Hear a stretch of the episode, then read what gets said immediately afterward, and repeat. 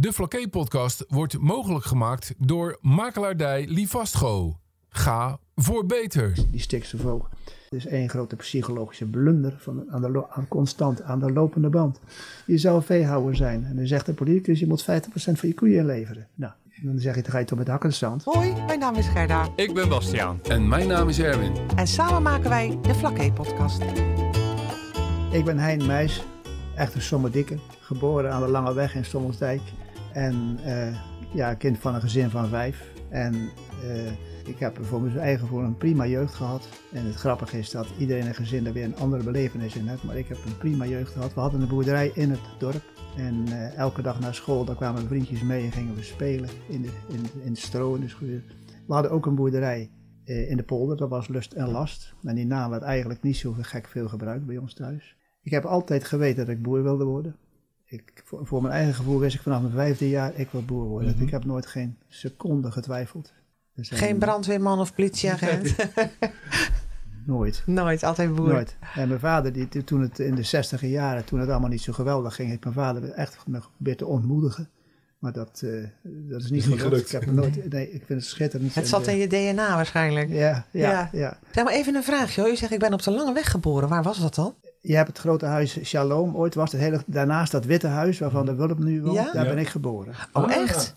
Ja. Oh oké. En dat grote huis, dat heeft mijn grootvader gebouwd in het begin van 1900. Die, eh, die had blijkbaar was het erg voor de wind gegaan en die had ook een gezin van zes kinderen. Dat Shalom bedoelt u? Ja, Dat was het grote huis? Ja. mm-mm. en dat werd, eh, dat is, het was eigenlijk de helft van wat er nu staat is er gebouwd. Of niet wat er nu staat, het is Het is uitgebreid, Ja, ja. het is heel erg uitgebreid. En toen heeft hij het later nog een keer verbouwd. Toen was mijn vader een jaar of 14. En toen mijn vader in 38 getrouwd is, heeft hij het Witte Huis daarnaast gebouwd. En dat vind ik eigenlijk eh, het leuke. Mijn vader was een ingewikkelde man. Die kon heel lastig zijn. En sommige mensen konden geen kant meer uit. En andere mensen konden meer lezen en schrijven. Dat was, en eh, voor ons was hij ook niet altijd even makkelijk. Hmm. Maar hij heeft toen in 38 een huis gebouwd. Wat op de dag vandaag vind ik nog steeds modern is. Mhm. Dat is waar. Ja. Het, is, eh, het, het was geverfd wit, dat, is- dat is niet zo bijzonder, maar het stalen kozijnen. De luiken Klopt. waren dus niet groen en rood en wit, die waren eh, bruin en ook eh, de, anders. En er zat geen behang in huis, de muren waren geverfd, er zat cv in en ik weet niet beter of was een bad. En, en dat- als ik daar nou terugkijk, dan denk ik, god wat leuk, die kant ook weer. Hè? Want iedere persoon heeft verschillende kanten, maar die- dat is één kant van mijn vader die ik dan echt bewonder, dat hij zo modern was. Ja, dat is zeker Dat voor die tijd heel, heel modern geweest. Ja, ja. Uiteindelijk bent u, u, u zegt ik ben op de Voorstraat, of op de Lange Weg, op de Voorstraat, op de, op de Lange Weg geboren. Maar, en u wilde boer worden, maar uiteindelijk bent u dus toch ergens eh, Ja. Ja. in de polder terechtgekomen. Ja, ik, eh, ik heb op de HBS gezeten. En, na de, en ik was eh, nog niet de beste leerling, dus ik moest hard zwoegen. En ik, als de zon scheen, wilde ik altijd buiten zijn. Had ik, heb ik mijn hele leven gehad. De binnen zitten als de zon schijnt, dat was voor mij niet leuk. Dus, eh, en op een gegeven moment heb ik dat afgerond, drie jaar. Toen ben ik naar Dordrecht gegaan en daar heb ik eh, drie jaar op de middelbare landbouwschool gezeten. En dat is eigenlijk mijn periode dat ik van, dat ik van het eiland af was. En toen ik 19 was, toen kwam ik thuis en ik had diploma op zak. En voor mij lag toen de wereld aan mijn voeten, letterlijk. Ik dacht, ik ben vrij, ik hoef niet meer naar school, ik hoef geen vakanties af te wachten en zo. Dus dat was eh, fantastisch. Terwijl ik het nooit slecht, slecht gehad heb hoor. Maar ik maakte veel, te veel grappen, waardoor ik eigenlijk zelf mijn eigen concentratie in de war stuurde. en toen ben ik er thuis in het bedrijf gegaan. En eh, ik ben in, eh, en toen ben ik, de- en toen woonden we nog. Mijn vader had toen het huis verkocht. En toen heeft hij het huis gebouwd aan de rand van het dorp van Sommelsdijk, waar je binnenkomt, waar later Hiesjemuller gewoond heeft. Daar heb ik nog een aantal jaren De, gewoond. de stoven. De stoven, ja, daar stond er vroeger een make-up stoof. Ja, ja. En ik ben in 1970 ben ik naar de boerderij gegaan, Lust en Last. Toen ben ik op de opkamer gaan wonen. En het jaar erop ben ik getrouwd. Nee, ik ben toen naar de boerderij gegaan, maar eh, al mijn broers en zussen, met uit van mezelf, die hebben allemaal in Amsterdam gestudeerd. Dus ik was vrij bekend in Amsterdam. Als er iemand verhuisd moest worden, dan ging ik naar Amsterdam met de auto, gingen ze verhuizen. En eh, ik heb eigenlijk thuis ja, ik, ben, ik voel me toch bevoorrecht dat thuis eh, heb ik een hele mooie omgeving gehad. Er werd veel gediscussieerd. Mijn broers, het politiek en overal nog wat. En eh, er kwamen heel veel mensen van andere disciplines, niet boeren, over de vloer. En ik nam er heel veel van mee. En ik heb altijd bedacht later, goh, ik ben blij dat ik dat meegekregen heb. Dat mijn interessewereld is eigenlijk misschien wel buiten de landbouw groter dan in de landbouw. Daar heb ik, daar heb ik altijd gemerkt dat dat makkelijk is. Ja, Om, je te, om gewoon andere kringen te begeven. Ja een, een rijke opvoeding. Ja, zo ervaar ik het wel. Ja. Ja, mijn vader was landbouwingenieur. En toen hij naar Flaké kwam, toen werd hij overal op het paard gehesen. Want dat hadden ze op Flaké, was dat niet bekend. En mijn moeder was ook academisch gevormd. Dus eh, die heb ik ook ontzettend veel plezier aan gehad. Aan eh, al die dingen. Maar dat zijn gewoon, daar word je een beetje door gevormd. Hè? Maar boven alles ben ik gewoon boer. Dat, eh, dat vind ik het mooiste wat er bestaat, nog steeds. En eh, niet dat ik de huidige landbouw en die grootschaligheid zo mooi vind, helemaal niet. Maar ik vind het gewoon het buiten zijn, het natuur samenwerken, vind ik schitterend. En eh, nou, ik ben dus naar de boerderij gegaan en toen in 19... eh, Maar mijn vader die was eigenlijk, die is echt, was bazig en die wilde nog niet veel ruimte geven aan mij. En ik, eigenlijk wist ik ook niet zo gek veel. Ook wel gelijk in. En toen op een gegeven moment was ik een jaar was ik een eh, reis gemaakt door Amerika. En toen ben ik bij een oom van me geweest in Salt Lake City. En ik had blijkbaar iets ver- verteld dat ik altijd graag naar Amerika had willen gaan, maar nooit gekomen was. En er was een heel bekend figuur in Amerika, een beroemd figuur zelfs, en die kwam in Nederland. En toen had hij bij de familie bij en ik heb hem gesproken, en niet over Amerika gehad, maar blijkbaar wel met mijn vader. Want hij was nog niet weg, of twee weken later rond een prachtige brief van de Universiteit van Utah, van mijn oom, dat ik, eh, ik kon naar Amerika komen. En er waren wel twee plekken die, waar ik zo aan het werk kon, als boer. Nou, dat heb ik, eh, hebben we direct gedaan. Toen zijn we met, eh, in 1974, zijn Els en ik en Michiel de Jongs, die was toen een jaar oud, zijn we naar Amerika vertrokken en hebben we een klein jaar gewoond. En dat is een van de ja, mooiere jaren van mijn leven geweest. Zo relaxed, ja. zo relaxed. En, eh, en ik ben daarna ook nog wel drie, vier keer terug geweest ook. Maar was het de bedoeling dat je er maar een jaar zou blijven? Want je, je zegt, ik ben er een jaar geweest. Ja, het was gewoon een, een soort break-out. En- Niet, niet het idee, ik, blijf, ik ga me daar settelen. Nee, ik had, ik had wel de kans gehad, want toen, ik werd zeer gewaardeerd. Want mijn oom had gezegd, denk erom, het, zijn, eh, het is in Idaho, het, is, en het zijn allemaal settlers, hè, mensen die er naartoe gaan en die werken hard, die Amerikanen. Maar mijn beleving was, ik werkte veel harder en daar deed ze alles op de gemak. Het was elke dag mooi weer, dus ze zei ze, waarom zou je het vandaag doen? Je kunt het toch morgen ook doen? En ik zei in Holland zeggen, je moet vandaag doen, maar morgen regent het. Ja, Ja, ja, precies. Ja, ja, ja, ja. ja. En dat vonden ze prachtig. En, eh, en toen kreeg mijn vader, die had, was die, die 74, was het hele natte najaar. Dat de aardappels niet uit de grond konden krijgen. En dan heeft hij een hardeval gekregen. ja, dat weet ik nog. Is dat het jaar dat de militairen op uh, vlakke geweest zijn om aardappelen eruit te halen? Ja, die zijn er meerdere keren geweest. Ik denk het wel. Maar ik was er niet bij. Maar het was mijn vader, die, was, eh, die heeft ergens een hart gekregen. En toen heb ik het voorjaar gezegd, joh, als je wilt dat ik terugkom, dan kom ik terug. Nou, dat wilde hij graag. Nou, daarna ben ik dus in 75 teruggekomen. Na het geleidelijk aan heb ik de boerderij overgenomen. En toen heeft mijn vader zich teruggetrokken. En eh, ja, toen ben ik zelf eigenlijk voor mezelf gaan. Het was het inmiddels wel, wel 79, wat officieel ik eigen, eigen boer was. Maar dat was leuk. En mijn vrouw, die eh, was stewardess en die had heel de wereld lag aan haar voeten. En die kwam de eerste keer vlakke en die zei, dit is het mooiste wat er bestaat. Oh, echt, ja?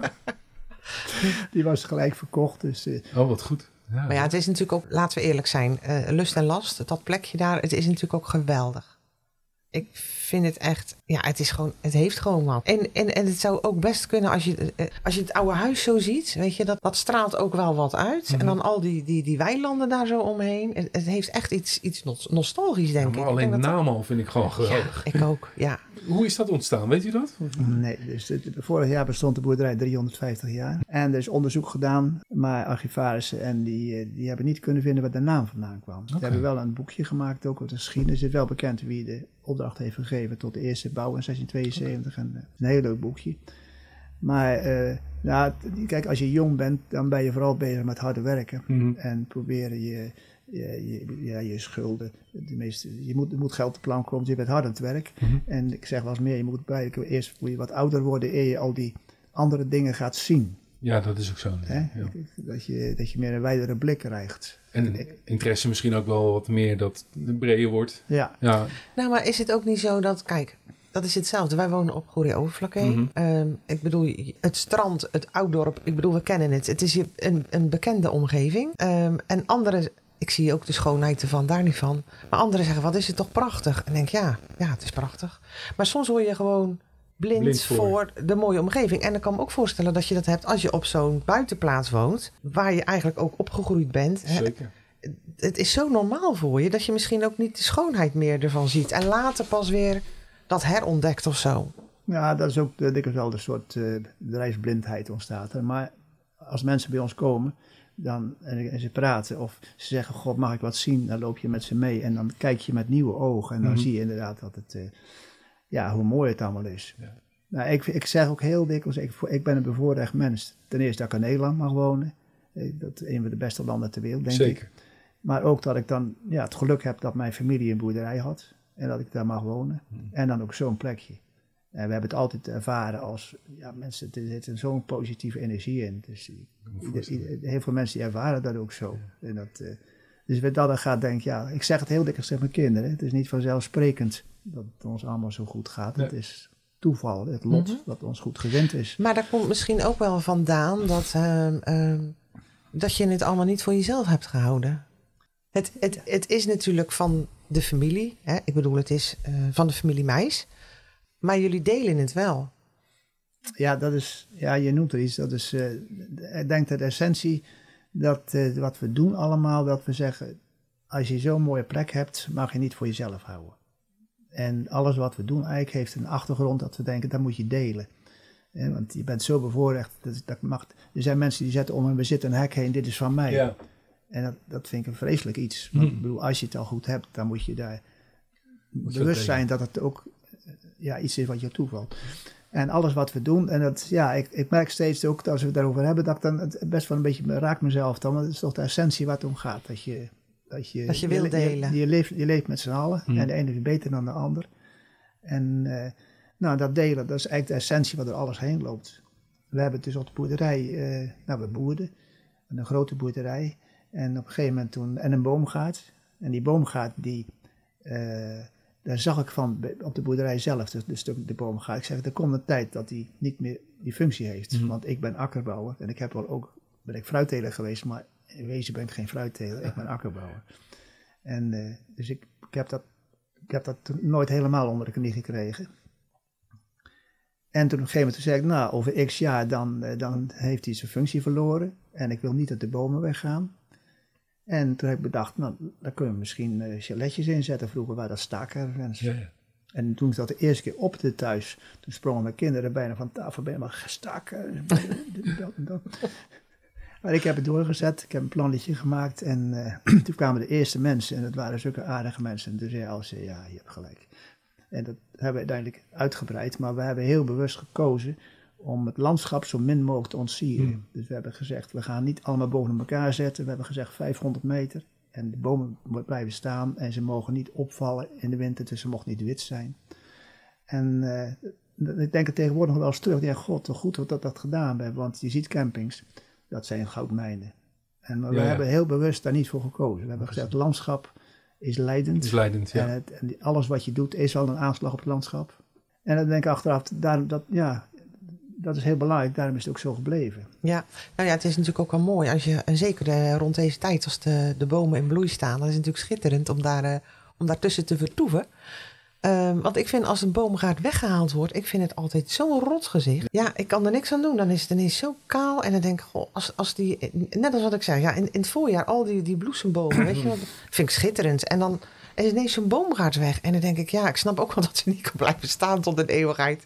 Maar bij jullie dus wel. Ja, nee, dat was, die mocht ook niet weg. Eigenlijk hebben we tijden gehad de dachten, kunnen we die bomen nou wel weghalen? Mag dat nou wel? Eh, een beetje overdreven.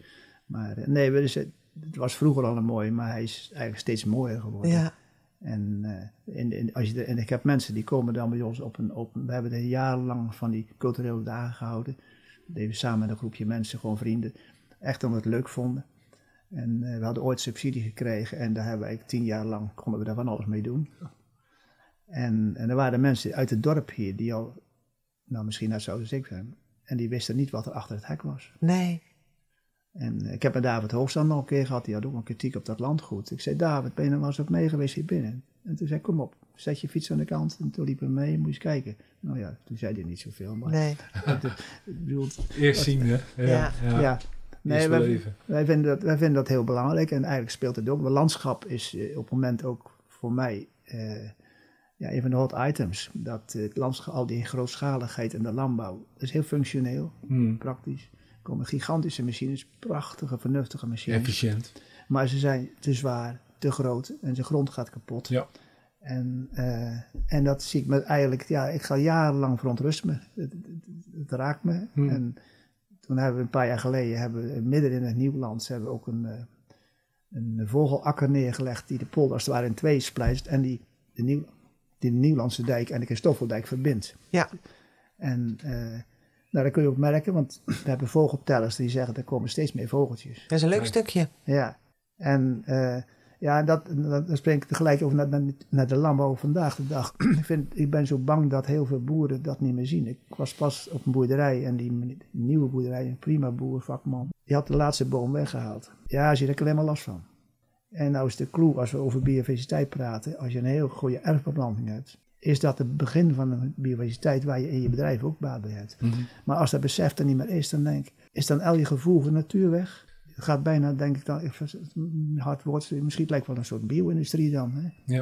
Het moet allemaal produceren, die grond Het moet allemaal efficiënt, het moet allemaal Ja. snel, En het moet liefst ook nog eens. Ja. Ja. en eh, nou, dat is gelukkig niet overal, maar er zijn toch een aantal van die boeren, denk je, joh.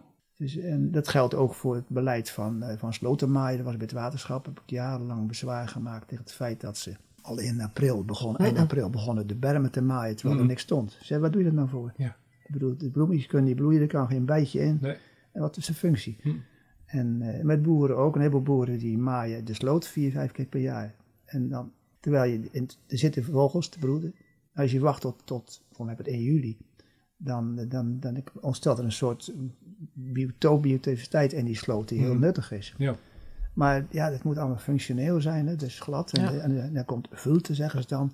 Nou, die, die sloten, dat, dat valt allemaal wel mee. En dat zal best voorkomen hier en daar. Maar ik vind dat besef dat, dat, dat ze steeds verder afgeraken. En het zijn vooral de grote boeren die dat hebben. Die doen Nou ja, wat mij ook wel opvalt, ik ben natuurlijk helemaal geen boer en ik ben een leek, maar ik zie soms dingen die me wel verbazen. Een tijdje geleden liepen we ook in de polder en een slootkant was gewoon helemaal weggezakt. En mijn man zei, ja, dat is van de ratten. Ik zeg, nou, maar moet je eens kijken hoe, hoe erg ze op de, de, de, de kant van de slootkant ehm, ploegen. Vroeger had je een soort van dreef, heet dat een dreef? Zo'n zo'n zijkant die gewoon, zeg nee, maar... eh, nee, dat is de insteek. De, bovenop. Je had dan een, gras, een grasrandje van 20 centimeter met gras bovenop. Oh ja. Nou, was dat breed. In mijn, in, mijn, in mijn jeugd was het breder. In mijn herinnering. Want daar zaten. Mijn opa liet dan ook wel eens dat daar vogelnestjes zaten. Weet je wel. Oh, dan gingen ja. we, Mhm. En dat, dat was altijd een gras. Dat werd niet gemaaid. Het was altijd een beetje te lang. En dan dacht ik, ja, ze, ze maaien het. Want dan denk ik, ja, het is één ploegsnede. Maakt dat, dat zal dus al uitmaken voor de opbrengst. Of niet? maar dan denk ik, waarom niet een stukje uit de kant? Ja.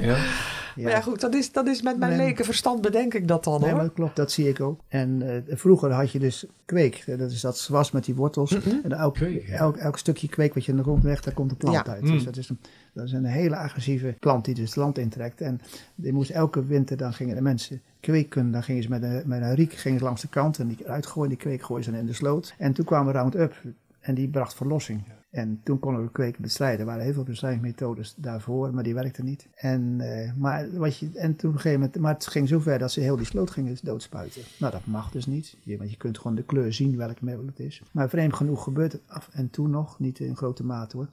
Maar eh, er is een regeling die zegt, heb een, teelt, een teeltvrije zone. En die spergewas, bij aardappelen moet je bijvoorbeeld twee, twee, 50 centimeter van de insteken. is de overgang van de schuine zijde en de rechterzijde. Mhm. Daar moet je 50 centimeter vanaf blijven, minimaal. Maar dat gebeurt niet. Nee. En dat wordt niet gecontroleerd. Nee. En de doelstelling van die regeling is dat er geen kunstmest of bestrijdingsmiddel verwaait in de sloot. Ja, ja, ja. Dus om de waterkwaliteit. Mhm. En, eh, maar er wordt niet, en ik vind het heel dom, want boeren die, eh, die dat doen, die, ten eerste zijn ze een overtreding. Maar het is ook heel dom, want die slootkanten zakken in. En eigenlijk, en het waterschap repareert ze dikwijls, maar eigenlijk moeten ze die boer zeggen, ga maar eh zorg Ja. Zelf maar, ja. Ja. En dat is dan heel inconsequent Hmm. beleid van het waterschap. Ze moeten gewoon zeggen, jongens. En dat heeft ook wat te maken met eh controle. Dus vroeger had je de AID, die was berucht. en dat waren een soort, soms waar ik stapel, dus ze op het erf kwamen, werd je opgesloten Ja. op je eigen erf en geïntimideerd. Oh, echt waar, Ja, dat is, er zijn voorbeelden van. Maar, maar ik bedoel, die, dat is er allemaal niet meer, want Nee. er zijn geen mensen. Dus ze controleren niet. Maar het zou heel goed zijn dat ze het wel zouden Toch weer oppakken. Ja. Ja, en eh, ja, er zijn er ook wel bijvoorbeeld die erfverplantingen, zei ik net. Hè. Eigenlijk zou de gemeente, er schijnt een regeling te zijn of te kunnen zijn dat als je nieuwbouw in de polder hebt, dat daar een erfverplantingen heen moet. Ja, maar is het ook niet zo dat daar een bepaalde subsidie voor is? Dat je, dat, je dat aan kan bomen, Nou. aan kan planten en zo? Er is wel ooit een regeling geweest van, eh, landschapsbeheer uit Holland. En dan konden boeren, die konden inderdaad die bomen voor een schappelijke prijs krijgen. Maar die regeling is er niet meer, of niet, althans niet dat ik weet. En, eh, maar ze zou het moeten, wat mij betreft, moeten verplichten. En wat ik nou zeg, dat wekt bij sommige boeren boosheid op. Want het is meer land en dan bluf je op. Ja, ja. Maar ik denk dat het gewoon verplicht moet zijn. Als je een nieuwbouw in de polder, je verstoort eigenlijk het, heel, het aanzicht van de polder. Met zo'n gebouw, dat zijn dikwijls van die blikken schuren tegenwoordig, die op zichzelf nodig zijn hoor, daar gaat de discussie niet over. Maar verplicht dat daar een, echt een hele degelijke beplanting komt. En, eh, en dat gebeurt niet. Als je door de oude Tons Lange Weg rijdt, staan een, een half kilometer met gebouwen. En er staat af en toe een boompje. Ja, ja. En dat, dat kan, willen bij mij niet in. Nee. Want dus, nee, bij een boerderij hoort ook wel eh, beplant, beplanting, vind ik. Eigenlijk. Maar ja, dat is mijn persoonlijke eh, mening. ja, boerderijen zijn mede bepalend voor de, de kwaliteit van het landschap. Ja. Ja. En daarom ben ik ook, eh, eh, ook zo belangrijk dat oude boerderijen in stand blijven. En eh, ja, een aantal van de boerderijen die dreigen te verdwijnen. En eh, ook het mon- rijksmonumenten. Overigens is ons woonhuis op het erf bij ons is ook een rijksmonument. En eh, ja, dat, er wordt geen consequent beleid opgevoerd. En dat vind ik erg jammer, want oude boerderijen die zijn kenmerkend voor een landschap. Ja. Zijn Nou ja, daar hebben we het al eerder over gehad, hè, Erwin. Eh, de- de- ja, Mm. er zijn natuurlijk oude boerderijen. Als je bijvoorbeeld in Zeeland kijkt, daar zijn oude boerderijen die worden eh, ehm, ook wel eh, gemoderniseerd. Eh, maar er worden toch wel weer eh, appartementen ingemaakt of zo. En het is dan niet meer een rijksmonument zoals je dat verwacht van een boerderij van een paar honderd jaar oud. Er zitten echt wel moderne elementen in. Ik denk, ja, het blijft dan wel bestaan. En ik, ik vind het niet altijd lelijk wat ze ermee doen. Want als je bijvoorbeeld langs de Staakweg, hebben we het ook wel eens over gehad, er staat ook zo'n prachtige oude stee, hè, eh, richting eh, Melisand. De Powersteen. Ja, die staat helemaal te verintesten. En Ja, vind ik zo zonde. Daar is een schoop- sloopvergunning voor waar. Ja, En dat, hebben ze, dat wordt eigenlijk tegengehouden. Eh we hebben het nog kunnen afhouden. Ze mogen hem slopen. En we hadden een hele goede erfgoed, cultuurambtenaar, Matthijs Witte, maar die is er niet meer.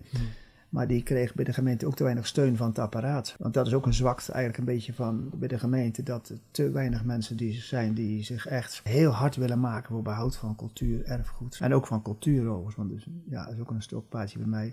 Gewoon cultuur is natuurlijk ook een punt hier op Flaké wat, waar ze eigenlijk geen geld aan willen geven. Nee, Neem, neem nou het Diekhuis, het een van de zo'n uniek gebouw is het Diekhuis. Absoluut.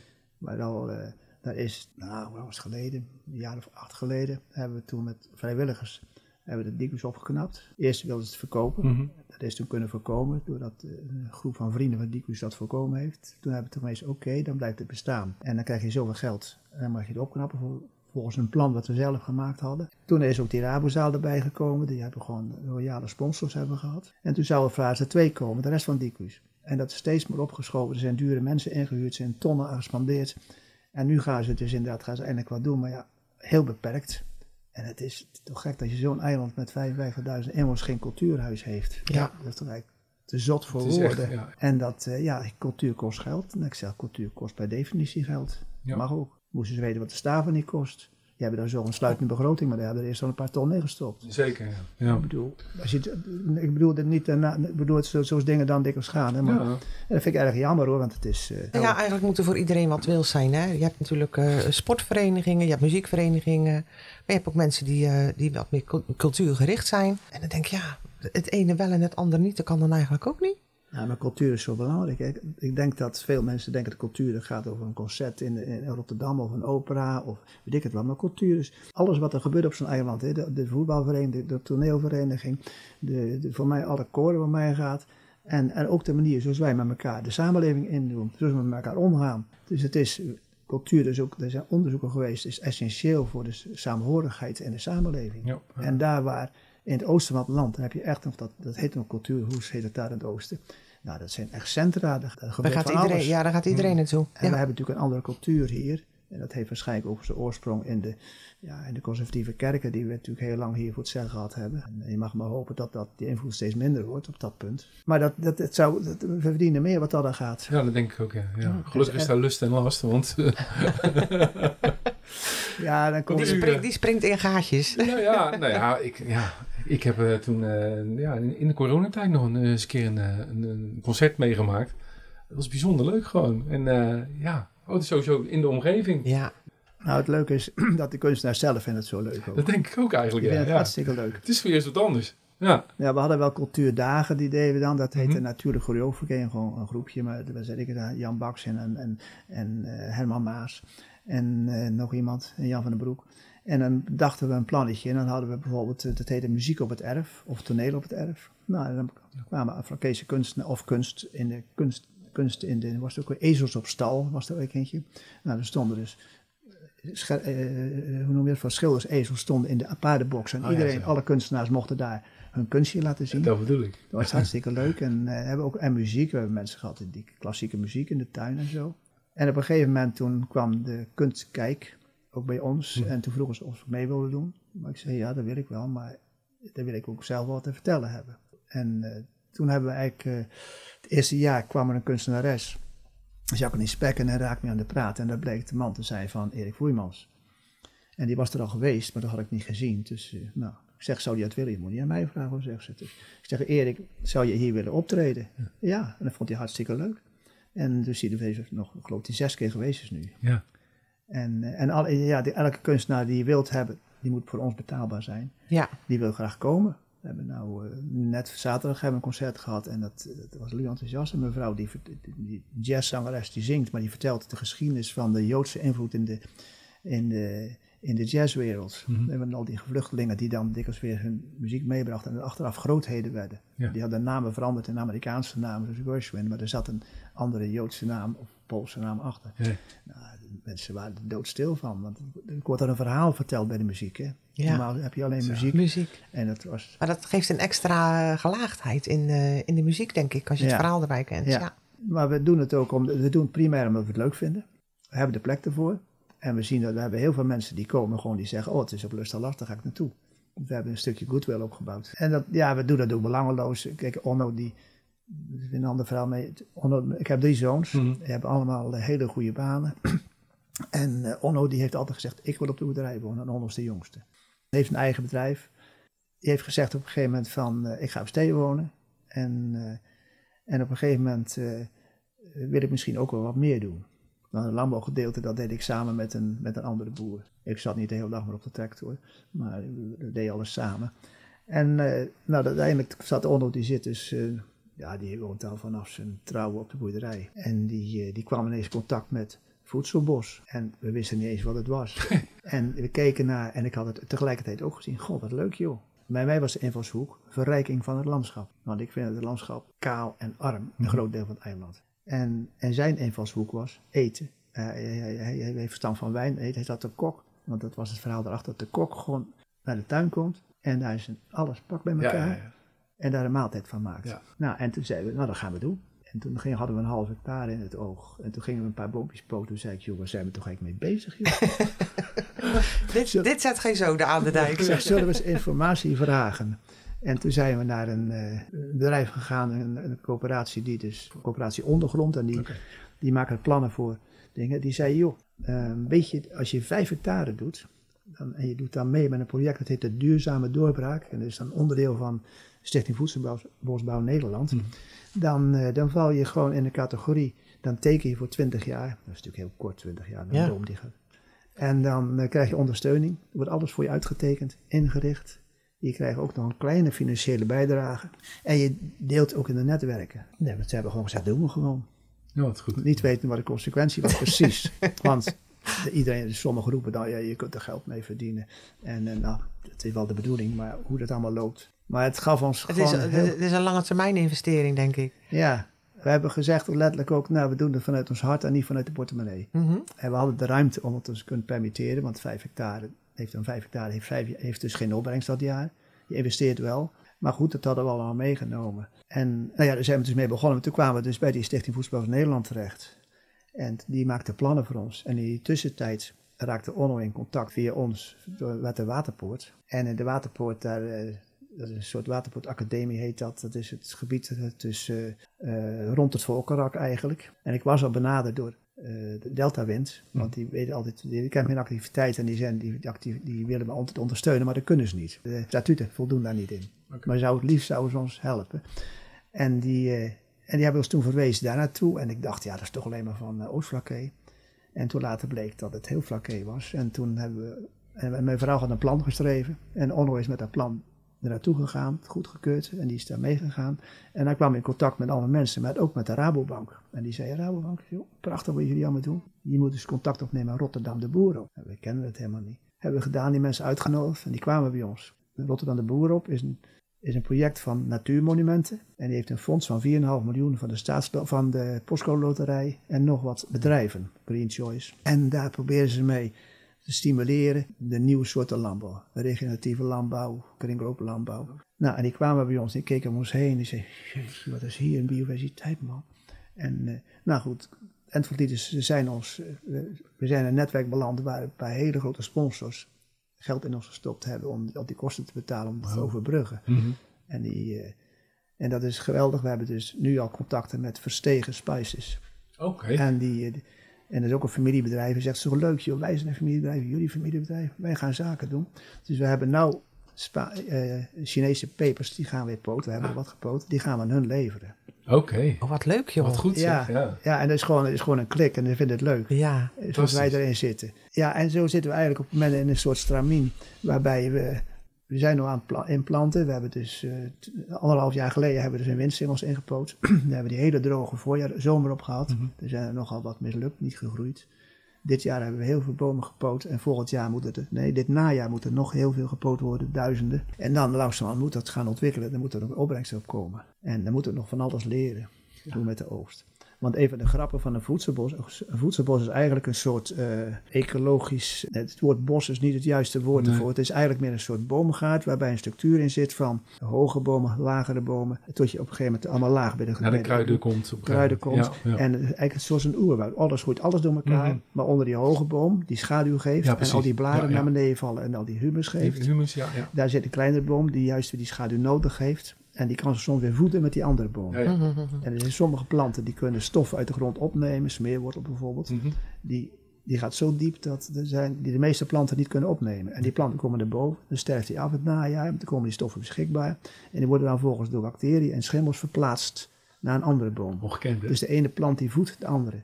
Nou ja, de stikstof binnen, dus de, de, de els en de blinde bloemigen, die nemen stikstof uit de lucht en leggen dat vast in wortelknolletjes, die Mhm. ook weer vrijkomen en daar andere bomen weer mee voeden. Ja.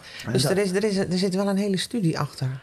Om dan te kijken waar wat geplant Ja. kan worden of wat zich tot elkaar verhoudt, Ja, het denk een ik. hele opbouw is het inderdaad. Ja. hè? Dus die wisselwerking Ja. onderling, en, die, en dat hebben wij niet zelf allemaal, dat die Nee, plannen nee, nee, worden ons nee. gemaakt. We kunnen wel kijken of wij dat, dat we willen, sommige dingen. Maar het idee is dat, eh, dat je de grond met rust laat. Er wordt dus, de grond wordt niet bewerkt. En al die humus van die bladeren op de grond die verhoogt dat humusgehalte. Daar actieve bacteriën leven en schimmel leven. En op het moment dat dat, en dan kan al een jaar, misschien vijf, zes, zeven jaar Ja. duren, dan, gaat het, je stofgehalte naar boven. En als het bodemleven echt optimaal is, dan, dan komen veel meer van die eh, natuurlijke elementen die in de grond zitten, Mhm. die komen vanzelf beschikbaar. En dat vooral door de schimmels, want wij boeren nooit geleerd hebben. Nee. Ik vraag het ook aan, aan leeftijdgenoten. Mhm. De schimmels zijn de belangrijkste eh, onderdeel van de bodemleven. En wat wij doen met ploegen, is elke keer die grond verstoren, waardoor die schimmel niet zich uit kan breiden. Ja, precies. En die schimmels, die, eh, want planten, die, die geven de stof af, een soort suikers. En die worden opgenomen door die schimmels. Schimmels, en, die, mm. en die groeien erdoor. En die kunnen stoffen, het schimmelnetwerk, gewoon het honderden meters kunnen die vervoeren. Dus een schimmel die bij een stikstofplant zit, die kan die via die wortels, kan die best een paar honderd meter die stikstof afleveren bij een plant die hem nodig heeft. Ongekend. hè? En als je dat leest, dan, Natuurlijk. dan denk je, wij weten helemaal niks. Dat is ook bekend. Hoor. Ja, Dat nou. En daarom is de huidige landbouw eigenlijk, zoals we nou mee werken, die is, eh, ja, dat moet anders. Kan je zeggen dat dat verouderd is? Het denken over? Nou, de- het is de- nieuw, hè? of is het andere wetenschap? We hebben ons altijd bezig, we dachten altijd dat we met onze bemestingen, kali, fosfor, stikstof, dat we daar de plant mee uh, grootprachtige hoge opbrengsten. Maar de grond gaat eigenlijk achteruit. Ja. Want wat gebeurt er op het moment dat een, ik zei, een plant die geeft een stofje af, die naar die schimmel gaat en die schimmel activeert. Maar op het moment dat je kunstmest geeft, dan wordt die plant lui, die geeft dat stofje niet af. Ah. Dus die schimmel ontwikkelt zich ook niet. Dus daarom is kunstmest eigenlijk niet goed. Want Ja. kunstmest die maakt die plant lui. Want hij gaat wel groeien, Maar, Maar- hoe, lang, hoe lang is dit nou bekend, hè? Dat is misschien een hele rare vraag. maar dan denk ik, dit is toch al langer bekend, of niet? Het is heel lang bekend, schijnt het. Maar eh, in de landbouw in de praktijk is het zelden. Alleen, ik denk dat biologische boeren er meer mee Mhm. werken. Mm.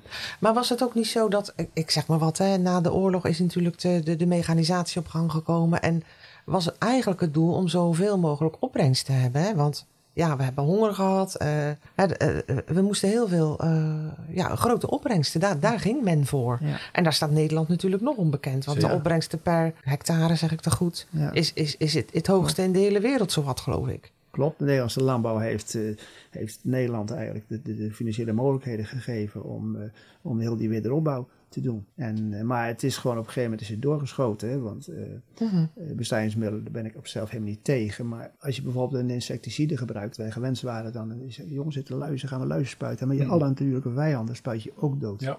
En dan blijkt, ik had er van de week nog over met mijn oude reisleider fruitteelt. Op een gegeven moment hadden we in de peer ook een soort perenbladvloos, een luis. Mhm. En we konden hem niet, konden hem niet weggespoten krijgen. Toen zijn we ermee gestopt.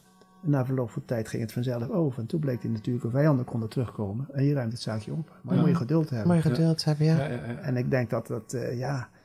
En dus ik denk dat de invloed van de industrie ook groot is. Die, die, die handelaren, die hebben een doelstelling, die adviseren, jou moet dit of dat. Maar die, die hebben natuurlijk een achterliggende, misschien onbewust, dat ze het niet eens meer weten. Mm. Maar ze willen geld aan je verdienen. Net zo goed is de, in de veehouderij, de stikstof, al die, de voederindustrie, de melkindustrie, de melkmachine-industrie, de machine-industrie hebben er belang bij dat het in stand blijft. Ja. En dat, daarom financieren ze die acties ook. Dat is op zichzelf niet onbegrijpelijk. Het is niet de juiste weg. We zijn op een punt aangekomen dat we dat dus moeten gaan herzien. Dat denk ik wel, ja.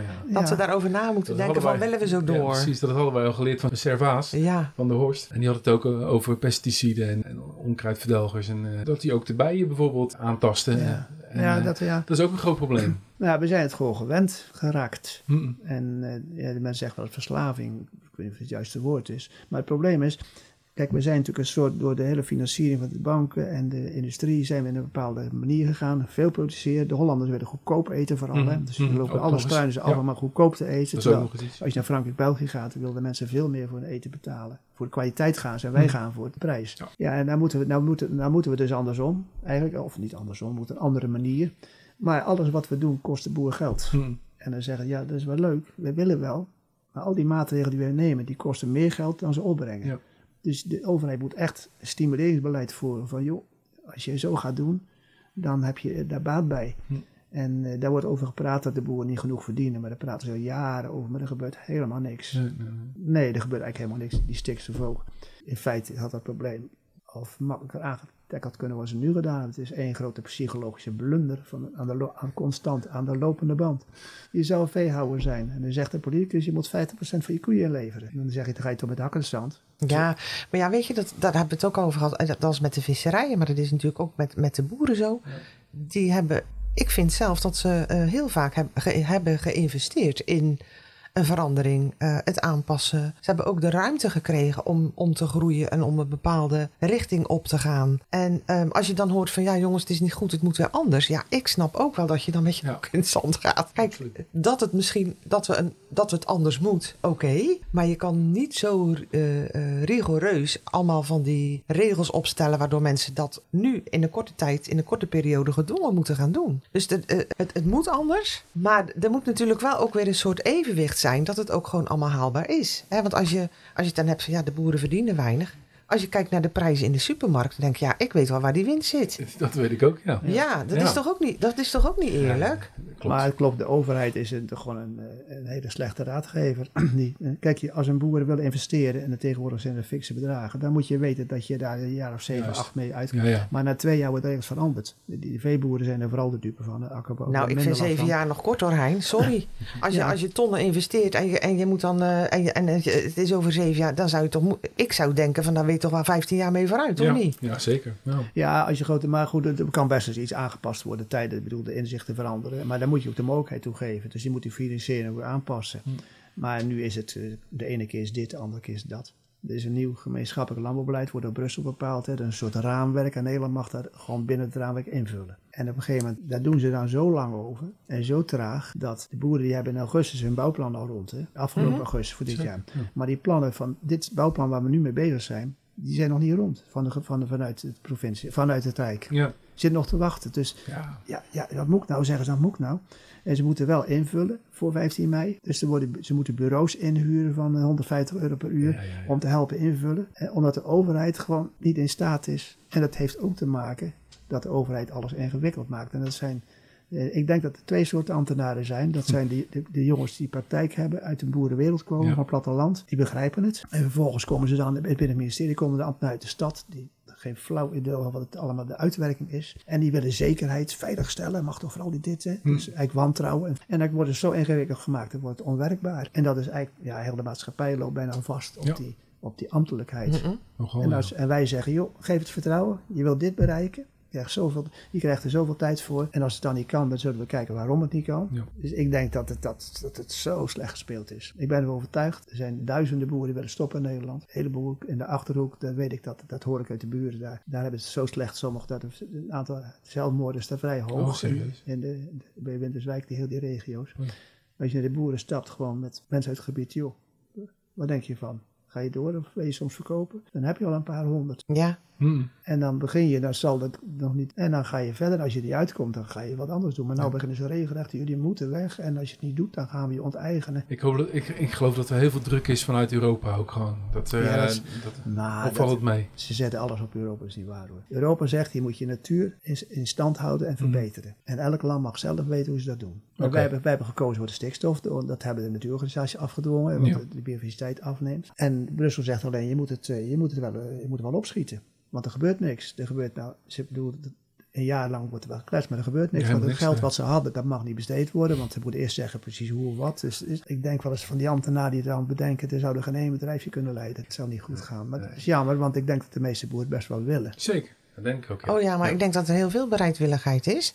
Alleen net wat je zelf al aangaf, het moet gewoon duidelijk zijn in welke kaders. En geef ze dan eh, inderdaad ook, maar dat vindt met, met, met, met de vissers ook, geef een, geef een bepaalde vrijheid, geef die verantwoordelijkheid terug. En eh, ik denk dat het dan gewoon maar goed komt. Als je mensen verantwoordelijkheid geeft, nemen ze hem ook. Ja, weet je, vroeger zeiden ze, die boeren die hebben, die vervuilen alles. En die, dit en dat allemaal negatief. Tegenwoordig wordt erkend dat het een maatschappelijk probleem is. Want het heeft te maken met het koopgedrag van de burger.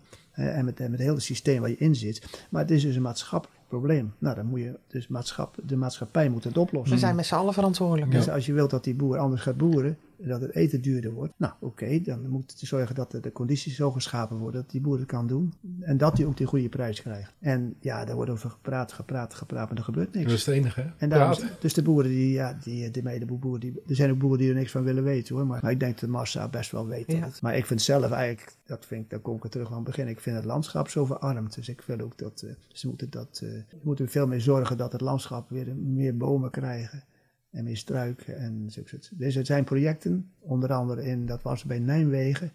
Daar hebben ze de Maasheggen. Er waren grote weilanden in de Ooipolder onder andere. Maar vroeger kenmerkend weilanden gescheiden door heggen, zoals dat Engeland en Frankrijk ziet. En eh, daar hebben de boeren, daar is een fonds gesticht. En die boeren, het geloof ik 20 jaar garandeerd, dat als zij al die heggen in stand houden, dat ze daar weer een vergoeding voor krijgen. Nou, dat landschap is helemaal teruggekomen. Schitterend Schitterend. Ieder, uit, iedereen geniet ervan, de boeren zijn tevreden. Hè? Ja. En ze hebben zekerheid, want dat fonds dat ligt daar al Ja. voor 20 jaar. En, en hier vlakbij, eh, bij Roon, buitenland van Roon, is ook zo'n project. En ja, ik zou vlakbij best ook wel een project willen. Ik zou er zo meedoen. Nou ja, hadden we het vorige keer al over. Hè? Al, die, al die kale dijken waar vroeger eh, prachtige meidorens stonden. En eh, Ja. Waar natuurlijk eh, altijd rigoureus gesnoeid wordt. Want ja, dat gaat dan ook weer over biodiversiteit. Ja. Waar ik dan weer vraag- vraagtekens bij heb. Want dan denk ik, we hebben zoveel dijken zonder bomen. Dan moet het daar eh, een waar Eldorado zijn als het om bio- biodiversiteit gaat. Maar goed, daar hadden we het de vorige keer al over. Maar ja, eh, van mij mag het er ook wel wat groener en wat rijker uitzien. Maar even terug naar dat voedselbos, Hein. Het is nu, een, een deel is dus aangeplant. De, er wordt nog meer aangeplant. Als ik daar langs loop, dan zie ik allemaal hele dunne, ile, schattige jonge boompjes staan.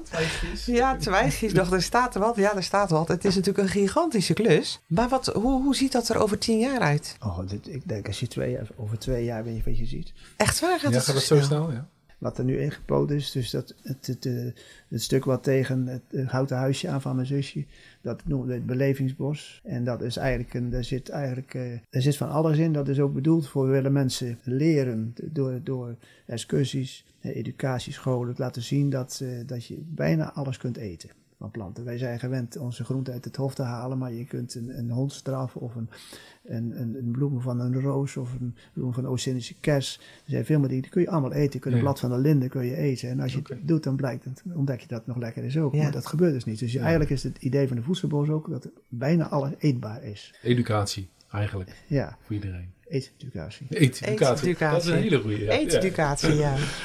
Dus wat eh, we ook willen, en dat, eh, dat, dat moeten we nog beter ontwikkelen, dat we dus inderdaad gewoon excursies krijgen, scholen Hmm. krijgen. En dat die kunnen zien wat er groeit en, wat, en waarom en de interactie die ze hebben. En dat andere gedeelte, daar staan meer rechte rijen, dat is het productiebos. Oké. Dus daar komen notenbomen, er komen hazelaars, er komen vruchtbomen en er komen struiken, bessen, verschillende soorten, heel veel verschillende soorten. Er komen ook eh bramen en eh noten, noten ook wel een stuk of vijf verschillende soorten. En nou ja, dat, dat moet zich ontwikkelen en dat is echt, daar gaan we echt oogsten. Maar dat, dat is toch niet, die notenbomen, dat kan toch niet met twee jaar? Nee, dat duurt vijf, zes jaar. Ja, ik wou zeggen, dat duurt toch echt wel langer. Ja, ja. Maar struiken met bessen en zo en bramen, daar, daar, die groeien natuurlijk sneller. Daar heb je het dan over. Nou, we hebben dus het eh, belevingsbos, wat ook educatie is en voorlichting en ook waar eh, eh, eten gehaald kan worden, zelfpluk. En daarna het, het productiebos, daar komen ook veel bessen en er komen vruchten, appels, peren, perziken. En we willen ook kijken in hoeverre we die producten zelf kunnen verwerken. Mhm. En eh, fruit is daar een wezenlijk onderdeel van. We hebben zelf een eh, appelpers aangeschaft. Ja, ik las het, ja. Dus wij kunnen eigenlijk, eh, het is een hele grote investering, maar we denken dat we nou juist regionaal hier, de mensen naar ons kunnen komen met hun eigen appels die hier gepest worden. En die krijgen ze dan, mee, kunnen ze mee naar huis nemen in een pak of in een fles. Mhm. Is, is het geen mobiele pers? Ja, dat Ja. las ik namelijk ook, ja. Het is een mobiele pers. Hij staat, het is eigenlijk een fabriekje op wielen. Ja. En, eh, en we beginnen thuis. We hebben nou, wat najaar hebben we eh, nog niet zo vreselijk veel. Hij kwam in december. Toen hebben we tegen de, in, de, in de vrieskou hebben we nog eh 4000 kilo gepest. En, eh, en nu gaan we van het najaar hopen we dus dat moeten we nog echt mensen hier naartoe krijgen. Dus die PR die moet nog wat eh, echt op gang komen.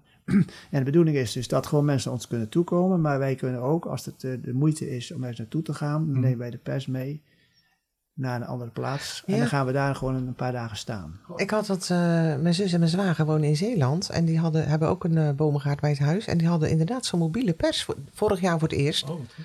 En eh, die hadden ook en perensap en appelsap. eh. Dus ik dacht, dat was een mobiele. Die, die, die konden ze gewoon inhuren, zeg maar. Dan komen, die kwam op het, eh, op het erf. Oké, zo. Mhm. Ja. Ja, Dus- dat, is, dat klopt. Dat is een Belgische. Die komt uit België. We zijn daar ook een paar keer geweest. En we hebben eigenlijk bedacht, nou, we kunnen hier in de regio Ja, leuk. ook proberen. Maar, Heel leuk. maar dat, ja, we moeten dus zien al die, die bekendheid in die klanten. Maar het leuke is dat je een echt een regionaal product hebt. Mhm. Ja. En we kunnen dus ook mee op stap. Maar het is een hele grote zware machine. Dus we moeten er echt een, eh, even een zware bus voor nodig hebben. Want, maar dat is ook weer een nieuwe activiteit. Want we hebben dus verschillende activiteiten. We hebben dus eh, het voedselbos. We hebben het akkerbouwbedrijf. We hebben ook een paardenstalling. Ja. Eh, we hebben die pers. Wij- En ik heb er een chaletpark. Zit er ook al nou twintig jaar. Mhm. En daarnaast heeft Onno, die dus nu echt zo'n bedrijf willen gaan vestigen, naast het werk wat hij nog doet, en eh, heeft hij ook een camping. En er staan dus een soort tiny houses. Ja. En dat zijn echt voor twee mensen. En de, de, de gemeenschappelijke delen met alles wat we doen, is eigenlijk dat de mensen die in de chaletpark zitten, die zeggen altijd, het is altijd zo stil, zo rustig. Mhm. En dat is eigenlijk een soort reclame voor ons. Ja, Dus ja. die mensen die in die tiny houses komen, dat zijn mensen die, eh, die komen ook voor de rust. ja. Zijn dat de Diamond Suites, zoals Ja. ze noemen? Ja. eh, Ja, oké. die zijn in de vorm van een diamant. Ja. Ja. Ja, tiny house, ecolodges. Het ziet er prachtig Ja. uit in ieder geval. Dat, eh, En ja. eh, we hadden gedacht dat we dus eigenlijk veel senioren zouden krijgen. En nou blijkt het allemaal jonge mensen te zijn tot nu toe. Dat is Oh. heel grappig. Airbnb. Maar dat, eh, nou, dat op zichzelf ook nog zegt dat er voor de, zoals het net begonnen is, gaat het redelijk goed. Maar dus, ja, we hebben dus allemaal verschillende activiteiten. Zeker, ja. En daarnaast hebben we het cultuurprogramma. We, we geven dus vier, misschien wel meer concerten per jaar. Plus dat, we hebben ook mensen die willen een bruiloft komen vieren bij ons. Er komt eh, van het ziekenhuis willen, willen ze een reunie, of van de Zuidwesten reunie, dan komen bij ons, kom daar bij jullie. En dan moeten we gewoon kijken of dat kan, of dat past. Hmm. Of eh, ik, ik zeg ook, we moeten oppassen dat we wel zelf ook nog eh, privé overhouden.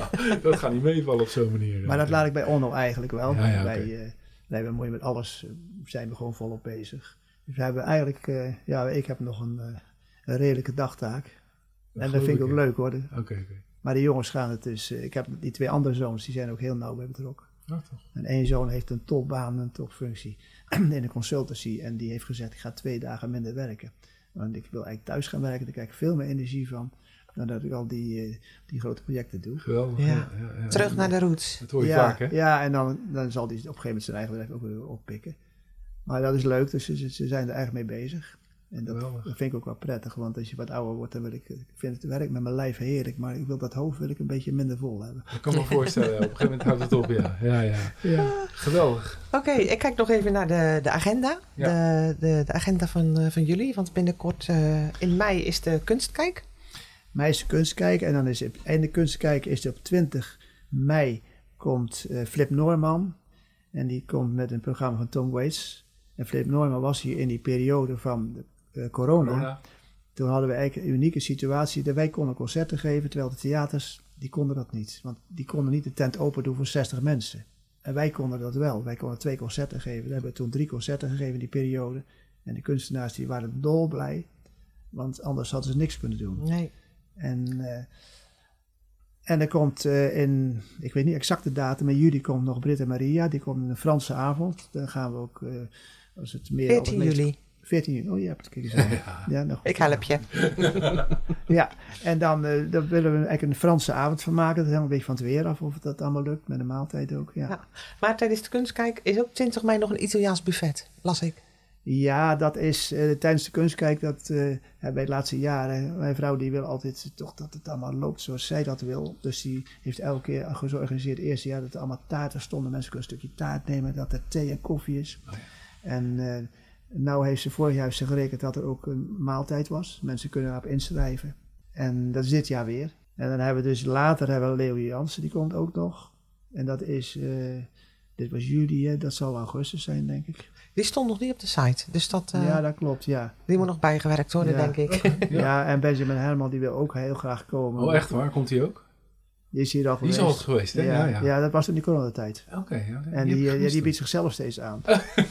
Ja, ga weg. Die heeft het, heeft het naar de zin gehad. Ja, dat moet bijna wel, ja, ja. Nee, we hebben mensen die vragen, die zeggen, goh, joh, ik vind het leuk om weer te komen. Ja, Ja, ja. leuk. En dat, dat vinden wij een goede reclame. Fantastisch, het, blijft gewoon een schuur, hè. Hein, je zei het in het begin van, het, van ons gesprek al van joh, ik, eh, als ik eh, losga dan, eh, dan praat ik eh, meer dan een uur vol. En wij zeiden van nou, dat gaan we wel in de gaten houden. Maar we zitten inderdaad al heel ver in de tijd. Ik, ik vond het een heel leuk gesprek, Hein. Ik heb eh, heel veel van je opgestoken. Ik vond het echt super dat je bij ons wilde zijn en mee wilde werken aan eh, de Flaké podcast. Zeker. Dankjewel daarvoor. Ja, jullie bedankt. ook. Ja, ik vond het leuk om te doen. Ik, eh, ja, ik ben een trotse Sommerdik en een trotse Plakkeeënaar. Dus alles wat het eiland aangaat, heeft mijn hart. Zeker. nou, dankjewel. Erg bedankt. Adverteren in de Flaké podcast? Mail naar info@deflakeepodcast.nl